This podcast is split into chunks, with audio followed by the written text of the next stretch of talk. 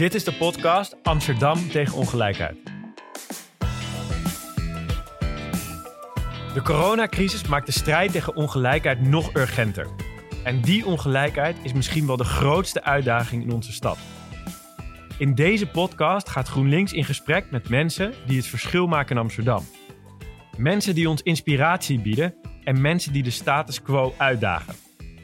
De coronacrisis heeft pijnlijk blootgelegd hoe groot die ongelijkheid in de stad is. Op het gebied van werk en inkomen, van onderwijs, van gezondheid, van wonen en klimaat. De crisis raakt iedereen. Maar mensen die zich al in een kwetsbare positie bevonden, voelen de klappen extra hard. Degene met flexbanen, met onzekere wooncontracten.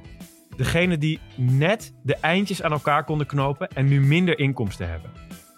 Ook voedselbanken zagen iedere week weer nieuwe mensen verschijnen. Nu de plannen worden gemaakt om uit de coronacrisis te komen, moeten we ongelijkheid terugdringen.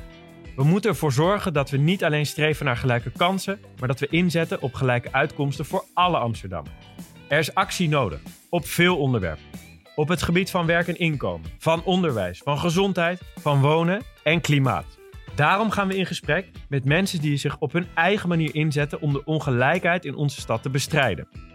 Van mensen in de zorg en activisten tot wetenschappers en ondernemers. Wat voor inzichten bieden ze en wat kunnen we van ze leren? Luister daarvoor naar deze podcast.